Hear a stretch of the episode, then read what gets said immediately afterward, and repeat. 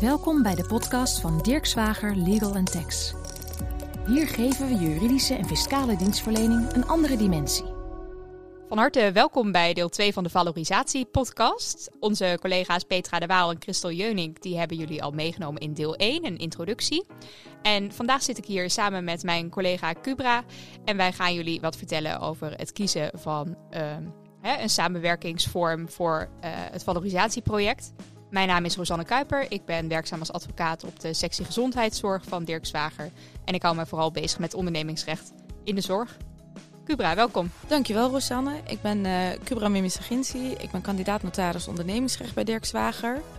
Uh, ik hou mij met name bezig uh, ondernemingsrecht algemeen. Zowel grote als kleine zaken, stichting, vereniging, alles wat daarbij komt kijken. Um, en dus ook in het kader van valorisatie en samenwerkingsvormen um, mogen wij uh, klanten bijstaan bij, uh, bij de mooie zaken. Ja, op het moment dat partijen gaan samenwerken is eigenlijk een van de eerste vragen die uh, wij vaak stellen.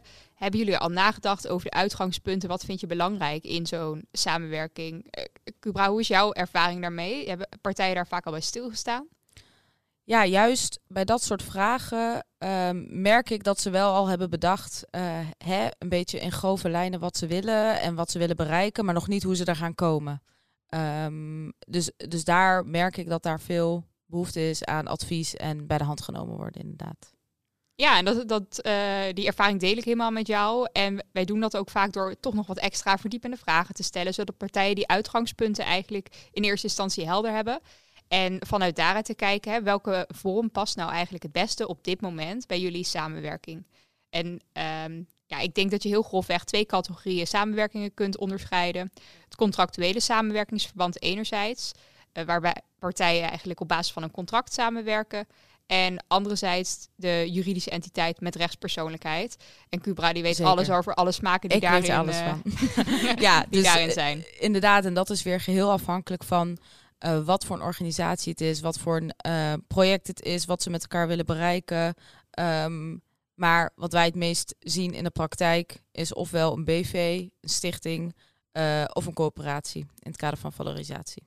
Ja, ja ik denk dat we daar straks nog misschien wel iets ja, uitgebreider over gaan, uitgebreider over hebben. gaan hebben. Wat uh, wij in de zorg vaak zien, is dat partijen eerst starten met een wat laagdrempeliger samenwerkingsverband in de vorm van een contractueel samenwerkingsverband. Um, omdat partijen op die manier ook hun zelfstandigheid behouden.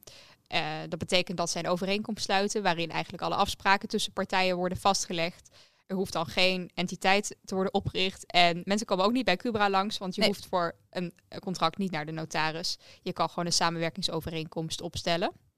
Ja, uh, zeker. En, en dat is misschien ook weer een reden om het wel te doen, want dan kom je wel bij mij langs. Ja, ja dat uh, nou, ben ik helemaal met je eens. Geen spel tussen te krijgen. Nee, zeker. Um, maar het is, uh, sorry, daarop aanhakend. Ja. Um, en, en voor zo'n gezamenlijk juridische entiteit is dan natuurlijk weer de vraag: uh, is, is het hoofddoel het behalen van winst en daarmee een uitkering doen aan alle stakeholders?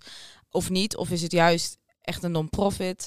Um, wie moet wat zeggen, wie moet waar over kunnen beslissen. Dat zijn allerlei vragen die leiden tot, oké, okay, uh, wordt het een BV, wordt het een stichting of wordt het weer een corporatie of, of welke andere rechtsvorm dan ook. Ja, wat, wat past het beste bij het doel van je Zeker. samenwerking uh, eigenlijk, denk ik. Ja. ja, ja. En um, hè, je, je was net even een beetje kritisch over het contractuele samenwerkingsverband, want ze komen dan niet uh, bij jou. Maar zie je, zie je als notaris daar ook voordelen aan? Zeker weten. Het is natuurlijk... Um, flexibel, veel flexibeler dan uh, bijvoorbeeld een BV. Um, want boek 2 van het burgerlijk wetboek, die stelt toch wel um, een paar dwingend rechtelijke uh, bepalingen. Um, dus je kan niet alles maar regelen, omdat er natuurlijk ook wettelijke bepalingen zijn die je in acht moet nemen. En dat geldt natuurlijk ook wel voor contracten, maar de contractsvrijheid is daar natuurlijk wel de norm. En dat is de hoofdregel, dus je kan heel veel dingen regelen. En dat geldt overigens ook voor alle andere rechtsvormen. Maar met name het BV-recht uh, heeft veel dwingend rechtelijke bepalingen waar we uh, ja, niet omheen kunnen. Ja, ja, ja dat, uh, dat is helder. En wat ik denk dat ook vaak aan de orde is, is dat samenwerkingspartners bij zo'n contract fijn vinden dat ze het gevoel hebben dat ze heel erg grip hebben op wat er in die samenwerking gebeurt. Omdat ze ja. heel dicht eigenlijk op, hè, je sluit zelf de overeenkomst als partij daarbij. En uh, jij haalde het net al eventjes aan, bij een BV of een stichting moet je zorgen dat die zeggenschap van de partners op een bepaalde manier geregeld wordt. En er zijn denk ik allerlei smaken in. Zeker. Ja. Ja, en, en het aanpassen van een dergelijke uh, overeenkomst. Um, partijen kunnen onderling natuurlijk ook weer andere aanvullende regelingen treffen of afwijkende en kunnen er samen op die manier uitkomen. Uh, maar bijvoorbeeld als er als iets is omvat in de statuten van een BV-stichting of welke rechtsvorm dan ook, dan uh, staan ze weer bij jou op de stoep. Dan staan, ze weer, staan ze weer bij mij op de stoep. Dan uh, moeten we weer een afspraak inplannen. Ja, dat is net een slag ingewikkelder dan. maar ja. ja. anderzijds, op het moment dat je zo'n contract sluit, zijn er ook bepaalde dingen die je niet kan, die je met een rechtspersoon natuurlijk wel kan. Ja. Hè, zoals ehm, nou, hele simpele praktische zaken. Het afsluiten van een betaalrekening, het, in dienst nemen van personeel. Ja, daar moet je dan één voor de samenwerkings, uh, voor een van de samenwerkingspartners kiezen. Ja, en misschien ook uh, een van de belangrijkste is uh, um, wie heeft het eigendom van het ontwikkelde of van het product of, of wat dan ook. In ieder geval iets wat uit die samenwerking voortvloeit. Ja. Um, als dat is omvat in een BV of een stichting of een rechtsvorm, dan is het ook duidelijk dat die rechtsvorm het eigendom heeft. Maar bij een contract dan moeten daar ook weer veel aanvullende afspraken over worden gemaakt. Ja, dus toch goed om ook bij zo'n contract van tevoren goed na te denken over hey, wat spreken we daarin af en wat zetten we daarin en daar ook advies bij uh, uh, in te schakelen. Ja, zeker weten. Um, over de overeenkomst gesproken, Rosanne. Wat zou een concrete aanwijzing zijn eh, voor partijen om te kiezen voor een overeenkomst boven een, een rechtspersoonlijkheid bezittende rechtsvorm? Mm, ja, hangt heel erg af van hè, de, de bedoeling van partijen en de ideeën die daarover uh, bestaan en het draagvlak dat er in de organisaties is. Maar wat je vaak ziet is dat op het moment dat de samenwerking nog klein is en bijvoorbeeld eerst met een soort pilot start, uh, het allemaal wat laagdrempelig moet worden gehouden, dat partijen dan eerst kiezen voor zo'n overeenkomst. En het is niet hè, allemaal in beton gegoten. Nee. Je kan altijd overstappen. En op het moment dat je wat groter wordt of het wordt toch uh, wat meer zelfstandig, ja, dan kiezen voor een rechtsvorm en dat contract uh, nou, uiteindelijk laten voor wat het is. Ja. ja, zeker. En dan is er voor de rechtsvorm natuurlijk weer uh, allerlei smaken uh, om uit te dan, dan zijn er weer allerlei smaken om uit te kiezen. Ja, um, waar, waar kunnen we uit kiezen, Cubra? Nou, um, om, om alleen maar te beperken tot wat wij in de praktijk veel zien, want anders dan zijn we hier morgen nog. Um, bijvoorbeeld de BV, daar zou uh, voor gekozen kunnen worden indien winst maken toch echt wel een doel is van de samenwerking. Dus iets samen ontwikkelen om daarmee uh, winst te behalen. Mhm. Uh, de BV heeft twee verplichte organen, zoals we dat noemen: het bestuur en de algemene vergadering. het bestuur um, kan dan bijvoorbeeld bestaan uit vertegenwoordigers van iedere samenwerkingspartij. Um, of ze kunnen samen een bestuurder kiezen. Daar zijn we ook weer honderd smaken in, uh, uh, in -hmm. mogelijk.